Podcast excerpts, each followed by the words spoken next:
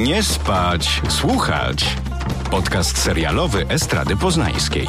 Zapraszają Pat Tomaszewski i Kuba Wojtaszczyk. Tu podcast Nie spać, słuchać. Kuba właśnie robi sobie selfika. Masz czas dla naszych słuchaczy i słuchaczek? Dzień dobry Państwu, właśnie robię sobie selfika, żeby wrzucić na Instagram, że niby jestem w profesjonalnym studiu nagraniowym. To jest tak jak, e, Kuba, gdzie cię można znaleźć na Instagramie, jak w tych zagranicznych podcastach? At, Kuba podkreśnik Wojtaszczyk. Bardzo oryginalnie. no bardziej oryginalnie niż twój mail, którego nie podam. Me- Maila nie podam. Ale Kuba ma bardzo fajne cyfry z imieniem i nazwiskiem połączone w swoim adresie mailowym, także możecie próbować. Może. Może się uda. Dobrze, to dzisiaj odcinek podcastowy numer 743. W tym odcinku omawiamy dwie premiery, chociaż jedna jest mozaiką premierową, bo składa się aż z 12 albo 13 mniejszych. 14.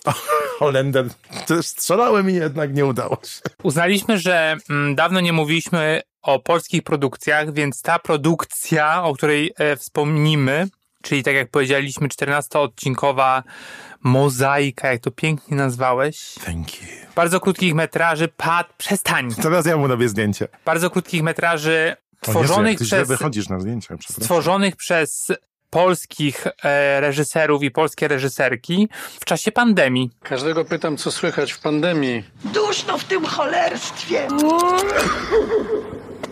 Masz wirusa? Innego końca świata nie będzie.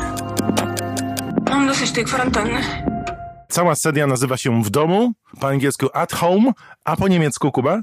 Zu Hause. Zuhause. A do domu idę na Hause gehen. Lekcja niemieckiego za darmo dzisiaj.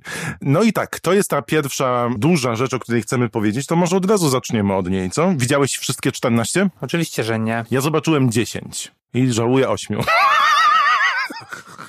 Nie, nie żartuję. Cieszę się, może zacznę od e, pozytywów.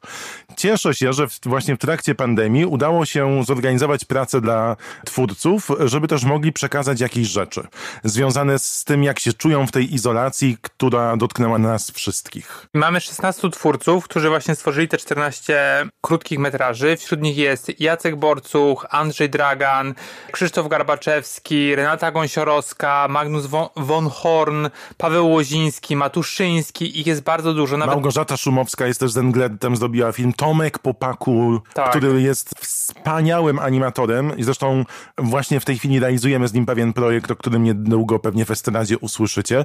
Z Renatą Gąsiorowską też jesteśmy mocno związani, bo Renata była autorką jednej z lepszych czołówek festiwalu Animator, który kwalifikuje do Oscarów. No bo warto powiedzieć, że to nie tylko są filmy, ale również animacje. I powiem ci, że jak usłyszałem, że HBO produkuje tę produkcję, to brzmi, źle Ten brzmi, cykl. ten cykl, bo trzeba nadmienić, że widziałem dzisiaj w zapowiedziach, że również z Finlandii będą... E, W Hiszpanii już jest dostępny nawet też. no i uznałem, że to chyba trochę za szybko. To znaczy opowiadać o czymś tak świeżym, bo jeszcze nie wiedziałem dokładnie, co to będzie. Tylko widziałem tytuł, widziałem takie jakby taką zapowiedź, że to trochę za szybko, że y, to jeszcze cały czas trwa i zazwyczaj opowiada się o pewnych zjawiskach y, po pewnym czasie. Tak jak przemyślisz, zrozumiesz, jakie miały Tak. znaczenie i wpływ. Jakbyśmy chcieli złapać dystans. No i obejrzałem kilka tych, y, tych krótkich metraży i mam takie Ja też. Takie mieszane uczucia, ale dlatego, ale dlatego że na, na duży plus na pewno e, trzeba zaliczyć to, że faktycznie, tak jak powiedziałeś, ci e, twórcy i te twórczynie dostali e, pracę e, i mogli na gorąco rejestrować czy nagrywać to, co się dzieje. Albo jakie mają przemyślenia związane z tym, co w danej chwili czują, to prawda. To może powiedzmy po- o jednym, który, tytule, który zwrócił nasze, naszą największą uwagę. No, ja trochę ich zobaczyłem. Zresztą cały cykl otwiera film Jerzego Skolimowskiego, którego ta izolacja złapała na Sycylii i postanowił przedstawić w 11 minutach puste ujęcia wyspy z odgłosami tych miejsc, w których byłoby życie. I na przykład to jest super na teledysk, ale po, to jest w ogóle też niesamowite, że przy 11 minutach potrafisz się znudzić na przykład po pięciu. I ok- okazuje się, że czas jest naprawdę relatywny, bo ten zabieg jest naprawdę ciekawy i fajny, ale potem staje się repetatywny, jak u Filipa Glasa. A może to jest właśnie moc tego filmu? Ja najbardziej zwróciłem uwagę na film Pawła Łozińskiego, polskiego dokumentalisty, wspaniałego. Pomysł jest banalny, Otóż Łoziński siedzi, siedzi czy stoi na balkonie. Nie widzimy go oczywiście, jak, jak to w dokumentach. I mm, z balkonu pyta przechodniów o no, różne rzeczy. Tak. Co, co im przeszkadza, co im się podoba, a co im się nie podoba. To są takie banalne pytania, ale ludzie faktycznie się otwierają i czasami się opowiem na, na myśli, czy to nie jest czasami reżyserowane. Ja też dialogowo to ładnie brzmi. Tak. I nie wszyscy tak mówią. Patrz na my. ale mm, na przykład idzie kobieta starsza i pyta ją, co panią e, wkurza, a ona, że to cholerstwo na twarzy, że nie Tak. może oddychać. Inna pojawia się kobieta, e, która takim teatralnym gestem ściąga bodajże czapkę, Tak. pewnie jest po chemioterapii i ma nadzieję, że przeżyje, że, prze, że przeżyjemy wszyscy, ale też się na przykład pojawiają głosy, że ktoś robi kiszonki, a z drugiej strony taka faktycznie zdenerwowana kobieta nie przejmuje się takimi rzeczami właśnie jak, że nie może oddychać i tak dalej, tylko faktycznie, że się boi, że, że boi się o życie y, swoje i swojego dziecka, y, ponieważ straciła pracę, ponieważ jego, dzie- jej dziecko nie może iść do, do żłobka. Jakby tych historii jest bardzo dużo i co przykuło moją uwagę, to to, że mamy taki przekrój tych wszystkich emocji, które faktycznie czuliśmy w, w pandemii. Złapałem też się na tym, na kolejnej rzeczy, że ja jak przed, jakby przed, tym przed tym odcinkiem nie pamiętałem tych emocji już. Już ode mnie gdzieś tam wyleciały. Ja jakby ws- wspominam pande- t- tą pandemię bardzo dobrze e, i byłem wtedy... Chyba ba- był przeszczęśliwy. Byłem wtedy bardzo szczęśliwy. Oczywiście bałem się o zdrowie, nie wiem, e, czy to mojego partnera, czy, to, czy mojej matki. Jakby generalnie tak, ale zrobiłem dużo więcej niż zrobi jakby takich kreatywnych rzeczy niż przed pandemią. Jakby to mnie bardzo otworzyło. I dlatego oglądając ten 11 czy tam 10 minutowy filmik, te wszystkie emocje do mnie wróciły. To, że były pustki na ulicach, to, że ludzie przemykali, że Bart, właśnie Bartek mi przypomniał, że czy pamiętam jak staliśmy na przykład w kolejce do sklepu, czy w kolejce do apteki i było taki, taka bardzo dziwna atmosfera trochę strachu, trochę złości wśród tych ludzi, wszyscy byli spięci i faktycznie u Łozińskiego to jest. To ten, jakby ten krótki, kilkuminutowy film mi to wszystko przypomniał i jeszcze pojawia się tam gdzieś z oddali bodajże głos policji z, z megafonów, To żeby tak się zachować... zaczyna ten film w ogóle. Tak, żeby zachować odległość. Od razu mi się skojarzyło z serialem Czarnobyl, Campbell gdzie właśnie Tak. e, jeździły policja czy tam karetki i wołały uwaga, uwaga. Takim rep, rep, Repetatywne. Tak, właśnie tak. I też y, super jest ten zabieg, że to jest bardzo prosty koncepcyjnie film, bo im ta kamera się nie rusza tak naprawdę i ona tylko obserwuje to, co obserwuje reżyser, ale też zaczyna się właśnie tym dźwiękiem i od razu cię przenosi to, że wszyscy słyszeliśmy to Tak, tak. y, z okna,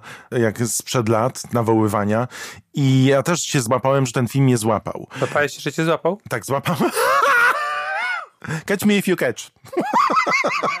Złapałem się też na tym, że rzeczywiście jakoś mnie ujął ten film, ale tych filmów jest 14 i to jest też super, że pokazuje w jaki sposób twórcy w ogóle myślą o tym, bo są filmy, które, to, przy których ten temat pandemii jest marginalny.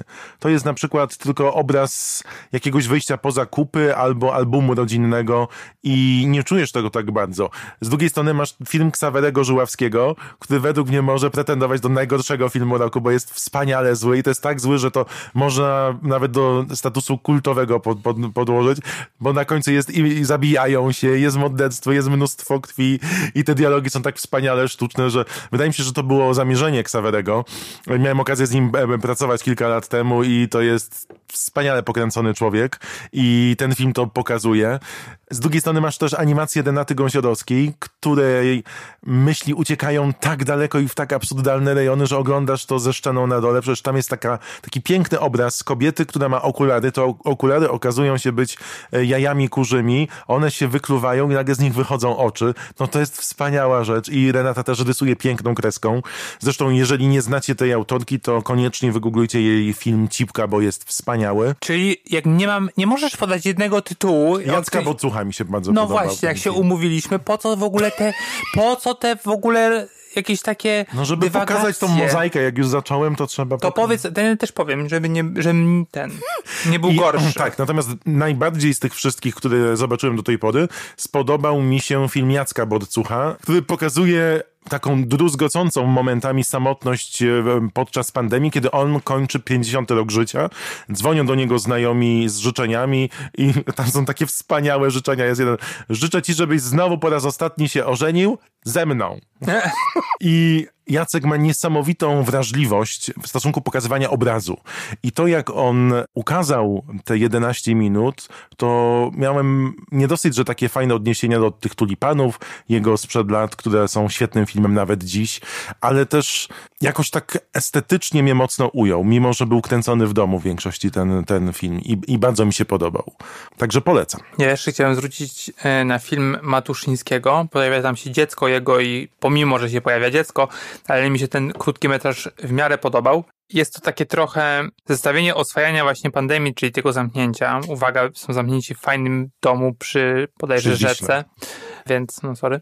Ale e, Janek jest super. jakby to oswajanie pandemii zbiega się z oswajaniem przez syna reżysera, kilkuletniego syna reżysera, faktu, że będzie miał małą y, siostrzyczkę, która się dopiero wykluwa w brzuchu żony reżysera. I co? I to jest ciekawe, jakby w sensie to jakby zestawienie i też położenie akcentów dla mnie e, jest jakby takie istotne, bo pomimo, że ta pandemia jest, jest silnie obecna i jest też niebezpieczna, Mhm. czy to dla, nie wiem, czy to sam fakt, że jesteś jakby, że trudno nam to sobie to wyobrazić, ale że kobieta jest w ciąży w takim czasie, Tak. to tylko z opowieści wiem, że jest to super traumatyczne przeżycie, ale jednocześnie, żeby nie przestraszyć na przykład tego dziecka, które żyje, ma 8 lat i próbuje też oswoić to, że nie będzie jedyny na świecie, to musiało być, jeszcze jest to mega fajnie pokazane i jakby te akcenty się przesuwają, że jakby ta pandemia musi siłą rzeczy zejść trochę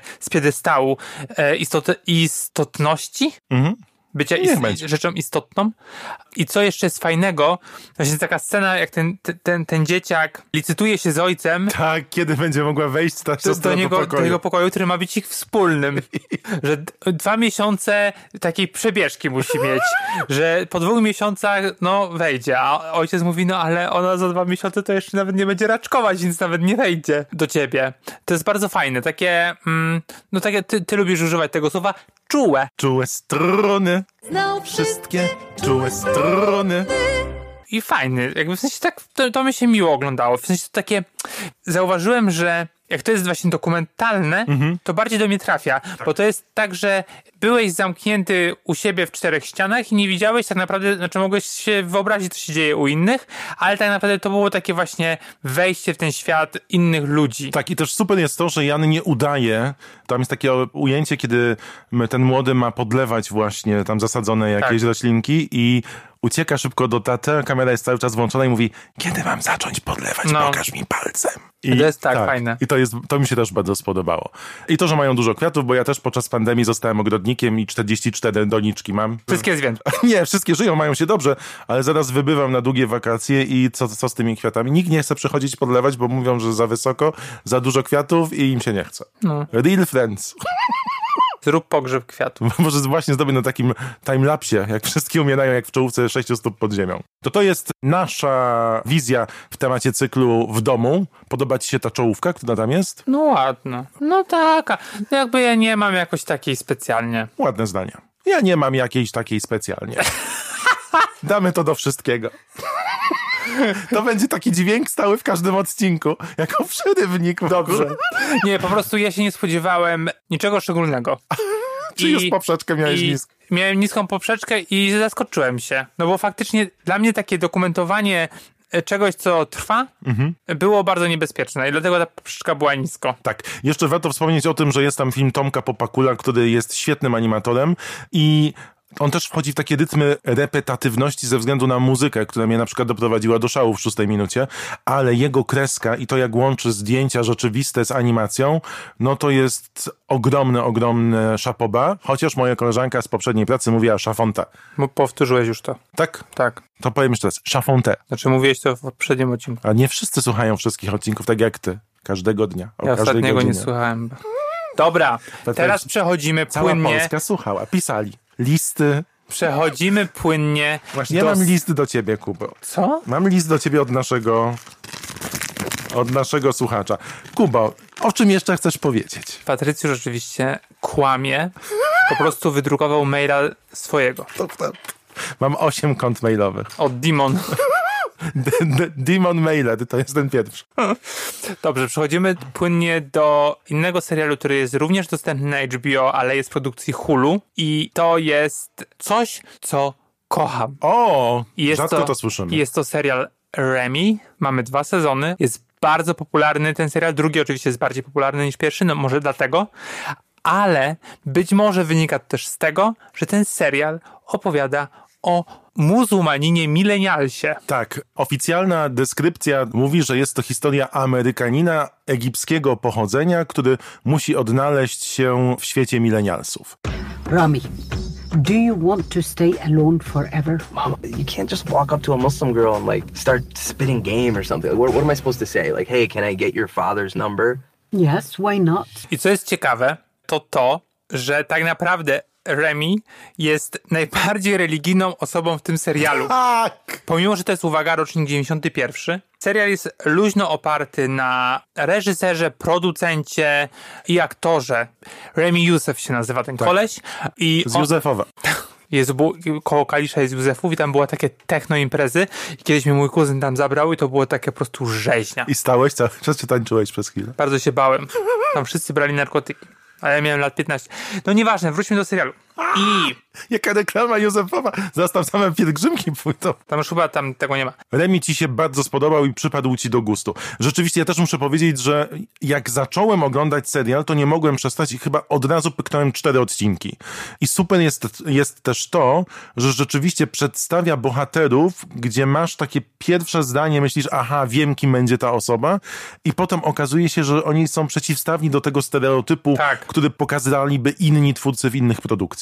Akcja dzieje się w New Jersey, Jersey, tak. ileś tam kilometrów pod Nowym Jorkiem, więc taką jakby to jest taka gorszy, to jest taki gorszy Nowy Jork i trochę jakby z tego, jakby Remy też trochę cierpi em, z tego powodu. No i faktycznie on próbuje się jakby odnaleźć w tej religii, kiedy wszyscy dookoła tak naprawdę traktują tę wiarę jak nasi katolicy, z przymrużeniem oka, że pójdę do kościoła, ale później obgadam sąsiadkę. Tak, w Biblii jest napisane, że nie mogę pić wina, więc mogę pić ciężkie alkohole. Tak, i tak trochę właśnie e, jest, że on próbuje się odnaleźć, czyli wierzy, czy nie pije alkoholu, czyli chodzi do e, meczetu, ale na przykład jest pierwsza scena, w pierwszym odcinku jest wspaniałe to, że chce jakby wykonać te wszystkie czynności przed modlitwą e, bardzo szybko, bo muzułmanie tam chyba myją twarz i nie siedzą skarpety, tylko skarpetki zaczął myć, żeby po prostu być szy, szybszy i jakby mieć to za sobą, a jednocześnie mm, na przykład też uprawia, e, znaczy modli się pięć razy dziennie, ale uprawia też seks pozamałżeński. E, No i gdzieś tam się między swoim pojawia, pojawia coś takiego, że muzułmanie, ci, którzy trochę naginają tę wiarę, mogą na szybko zadzwonić do tego guru, jakiegoś tam takiego szemranego guru religijnego, który udzieli tak, takiego, taką dyspensę, czy nawet takiego szemranego ślubu pomiędzy Telefonicznego. telefonicznego, żeby można było ten seks uprawiać. I faktycznie jest to no świetnie pokazane, jest bardzo zabawne i bardzo inteligentne. Podobno w, e, drugi sezon widziałem tylko, e, jeżeli nie skończyłem pierwszego, jest jeszcze lepszy, jest nawet taki mm, bardzo balansujący, ja to trochę nazywam taki post-gersowe gersowe seriale, nie? Jakby post, post dziewczyny, bo faktycznie to jest takiej konwencji trochę, że jakby to, że Remi jest takim trochę jednak y, mimo wszystko egoistą w jakiś sposób, jest bardzo skupiony na sobie i Jest jak to bardzo milenia naiwny. też trochę jakby, no ale też jakby próbuje jednocześnie tę religię, co się rzadko zdarza, żeby młody człowiek faktycznie Tak. e, próbował wierzyć w religię swoich przodków, kiedy na przykład w Ramadan rodzice zamiast po takim poście dziennym konsumować kolację taką, wiesz, jakby w sensie w sposób uduchowiony, wolą obejrzeć pierwszy, pierwszy odcinek jakiegoś nowego serialu, bo Remi przestań tutaj do nas gadać, bo przecież później się pogubimy i jakby już Tak. nie, nie złapiemy tego vibe'u serialowego. Ale też świetne jest to w tej produkcji, jak ona naturalnie brzmi. Dialogi są super zrobione, ona jest pięknie też pokazana, bardzo ładne zdjęcia są w tym wszystkim i są świetne cytaty warsztaty. Ja bardzo lubię tę scenę na ślubie, kiedy on jest ze swoimi kumplami, przyjaciółmi i oni mu mówią, że jest ostatni, już powinien myśleć o tym ślubie, że powinien już zatrudnić rodziców do tego, żeby mu naraili jakąś kobietę i już i zaczynają tak mu cisnąć, że już łysieje, że już nie wiedzą, że jest Tak. tak źle. Dociskają go z każdej chwili szpila, szpila, szpila, po czym dziewczyna jednego z nich mówi, Boże, nie, nie słuchaj ich, to są kretyni, ale mają całkowitą rację. A ja bardzo lubię, bardzo lubię też, y, a propos tej, em, tego swatania, właśnie przyjaciele podczas ramadanu właśnie jakby pró- próbują go zeswatać i przyszła ta jego, powiedzmy, partnerka, o czym on nie wie. No i Remi mówi, że ale to jest przecież takie no wstydliwe, dziwne, że on nie chce tego robić, a jego przyjaciel mówi, a Tinder jest jaki, że robisz lewo, robisz prawo i nie jest wstydliwy? I no jest super. I taki na, na maksa jakby też z punktu widzenia po prostu białego kolesia, który jest uprzywilejowany i no nie mamy pojęcia o tym, jak wygląda religia muzułmańska, bo ani nie mamy muzułmanów, wiesz, w, naszym otoczeniu, ani to jest, jest tylko, tylko generalnie nagonka, e, że muzułmanie to terroryści. Tak, i, i cały czas ten obraz pejoratywny jest Tak. powielany. A tu też jest super to, że twórcy mają duże poczucie humoru do wszystkiego, co jest z tym związane, bo jest taka super scena chyba w drugim albo w trzecim odcinku, gdzie Rami jest potencjalną też partnerką i rozmawiają o tym banie, który Trump wystosował, nazywanym Muslim ban. I mówią, że to nie jest takie złe, bo na przykład miał przyjechać jakiś wujek i zabrać mu mój, mój pokój, więc na razie mam pokój dla siebie. Na przykład. Więc ja jestem wdzięczna Trumpowi. Tak. I e, oglądałem, no bo tak jak powiedziałem, Remy Youssef jest również komikiem. Oglądałem taki jego króciutki stand-up w jednym tam z tych late, late night showów i on mówi tak, że no jak oglądam wiadomości, to aż się sam siebie boję. Czy co, że jakby tak mówię, że po 30 dostanę e, list nie z Hogwartu, tylko z ISIS i co, że przy, przyjdzie sowa i powie, dzień dobry, dzień dobry Remi, jesteś teraz terrorystą. A byłem, no okej, w sumie mogłem się tego spodziewać, bo się naoglądałem w, y, naoglądałem w telewizji. I to jest na takiej zasadzie, że jakby mamy te klisze cały czas i on też ma tę kliszę, pomimo, że sam jest muzułmaninem. I to jest fajne i wydaje mi się, że ten serial dobrze, że pojawia się teraz Tak. bo jednocześnie ta narracja e, taka o różnych fobiach, które się pojawiają w społeczeństwie teraz u nas e, i to, jak próbujemy sobie z nimi poradzić, z tym strachem przed innym i tak dalej, który teraz wybrzmiewa, może warto właśnie zobaczyć taki serial i spojrzeć na to, co nam się próbuje wmówić, właśnie z, z innej perspektywy, że to jednak jest cały czas jakaś tam narracja, która jest w dużej mierze fałszywa. Użyłeś super hasła, perspektywa, bo właśnie takie produkcje otwierają nasze oczy na zupełnie inny świat i inną kulturę i to jest fantastyczne, szczególnie jeżeli jest podana w takiej formie i tak dobrze zrealizowana. Remy to jest serial, który polecam również. Aha, no i jeszcze chciałem tylko powiedzieć o jednej rzeczy, bo Ja też zapomniałem. To pojawia się tam matkę Remiego gra wspaniała aktorka, której imienia już nie pamiętam, ale gram ona marszie w w sukcesji. Sukcesji. W sukcesji, tak. i to jest zupełnie inna rola Super jest tak. e, i warto też dla niej zobaczyć, e, zobaczyć ten, ten serial, bo jest taką Myślimy na początku, że będzie taką stereotypową matką e, muzułmanką, w sensie, że, że właśnie, żeby w sensie ożenił, że zeswatamy go, że on jeszcze mówi, mamo, co mam wejść do meczetu i powiedzieć e, i dać, tak. i dać numer, Daj mi numer swojego ojca. a ona powie, no a co w tym złego? I Matka jest wspaniała. i myśli, że tak będzie, a zupełnie nie, że jakby ten, ten stereotyp matki e, jest przesunięty zupe- zupełnie. Podobnie też siostra, jeszcze o niej wspomnę, jest zupełnie taka zlaicyzowana powiedzmy, ale jednocześnie ma taki swój odcinek, gdzie pokazu, pokazana jest jej perspektywa, jak kobiety muzułmańskie są bardzo przez kulturę czy przez religię muzułmańską właśnie ograniczone, uciśnione i jak ona, mimo że jest taka, wiesz, no wyzwolona i nie do końca wierzy, ma w głowie jakieś takie rzeczy, które zostały jej wtłoczone w czasie edukacji, w czasie dorastania. Tak, ale jest też niezwykle mądra i inteligentna, co na przykład też pokazuje podczas tej wizyty wuja, który ma dać pracę Remiemu. Tak. No i wuja jest mizoginem, no jest antysemitą, Tak. jest takim, no bardzo stereotypowym Burakiem. burakiem, tak. I w pewnym momencie ona już ma dość tej walki i tłumaczy to wszystko e, okresem. Tak. I to, co mówi ten wuja i to, jak ona wyśmiewa go przy nim i on sobie nie Tak. zdaje z tego sprawy, jest fenomenalne. Także Remy to jest serial, który pojawił się na HBO z dwoma sezonami, także możecie w bardzo przyjemny sposób poznać tę nową perspektywę, do czego gorąco zachęcamy. I'm just like trying to be good. You jerk off too much. Ja jeszcze tylko dopowiem, a bo to jest to, o czym zapomniałem, że pieniądze na serial Remy wyłożyło studio A24, Tak.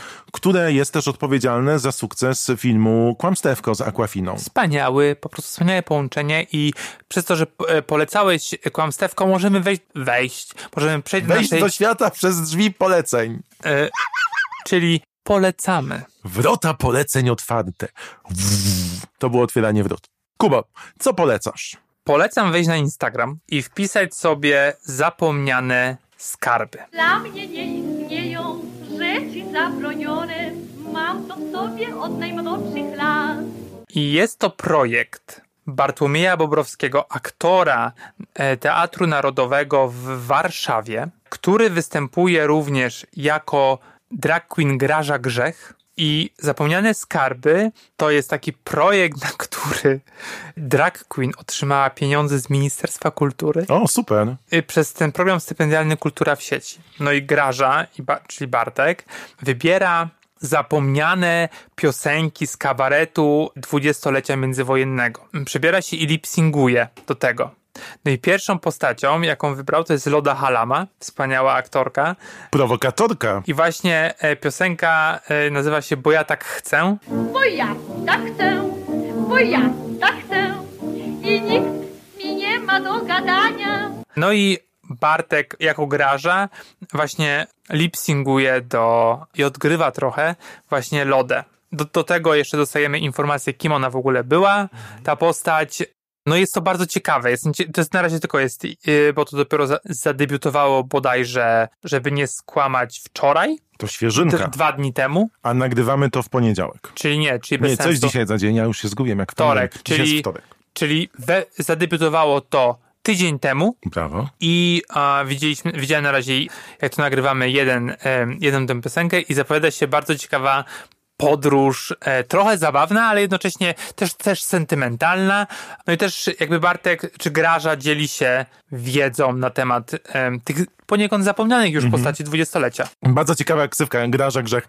Właśnie wczoraj z naszą wspólną znajomą rozmawialiśmy o imionach, które sobie postaci kreujące drag przybierają i moje ulubione, jeszcze niewykorzystane, to jest szklacka poręba. Ej, faktycznie super. Prawda? I jeszcze biała parzona. To też fajne. Jak ty byś występował w dragu? Pod jakim pseudo? Ta szklarska poręba mi się spodobała najbardziej. To dobrze, to teraz nasi mili chciałem powiedzieć. Nasi milusińscy. To ja może polecę podcast Fake Doctors, Real Friends. Nawiązuje do serialu, jako że jest to podcast serialowy. Serial, który emitowany był przez 9 lat, z czego zaliczonych oficjalnie jest 8, bo 9 był niewypałem, bez głównych bohaterów. Nazywa się Scraps. Autorem jego jest Bill Lawrence i e, w roli głównej znany z między innymi filmu Powrót do Garden State Zach Braff.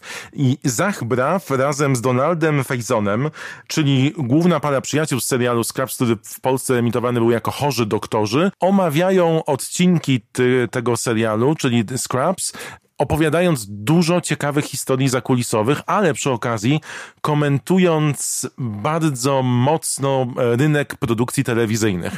Scrubs w oryginale, scrubbing to jest to czyszczenie, szorowanie rąk przed operacją i tak też nazywa się rzeczy, w których się operuje. No ale chorzy doktorzy z błędem? pewnie. Chorzy doktorzy przez samorzet, tak. I omawiają odcinki e, tego serialu, więc można sobie nie dosyć, że je zobaczyć, to jeszcze mnóstwo ciekawych, fantastycznie zabawnych anegdot wraz z tym serialem posłuchać. A w ostatnim odcinku pojawia się Heather Locklear, czyli Amanda z Melrose Place, y, główna antagonistka i wcześniej Sami Joe z Dynastii, jeżeli ktoś pamięta lata 80. i 90. Gorąco polecam. Śmieszny, fajny i nawiązujący do popkultury i serialu podcast nazywa się Fake Doctors, Real Friends. Five, six, seven, eight.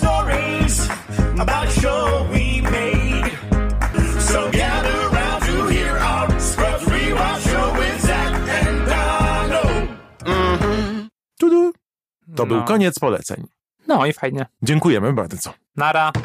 Nie spać, słuchać. Producentem podcastu jest Estrada Poznańska. Wszystkie odcinki znajdziesz na estrada.poznan.pl. Ja zobaczyłem 10 i żałuję 8. Bo ja tak chcę, Bo ja nie mam jakoś takiej specjalnie. bo ja tak chcę. Ładne zdania. I nikt mi nie ma do gadania. Damy to do wszystkiego. Jak postanowię, to na głowie stanę też. Bo ja nie mam jakoś takiej specjalnie. Dziękuję bardzo.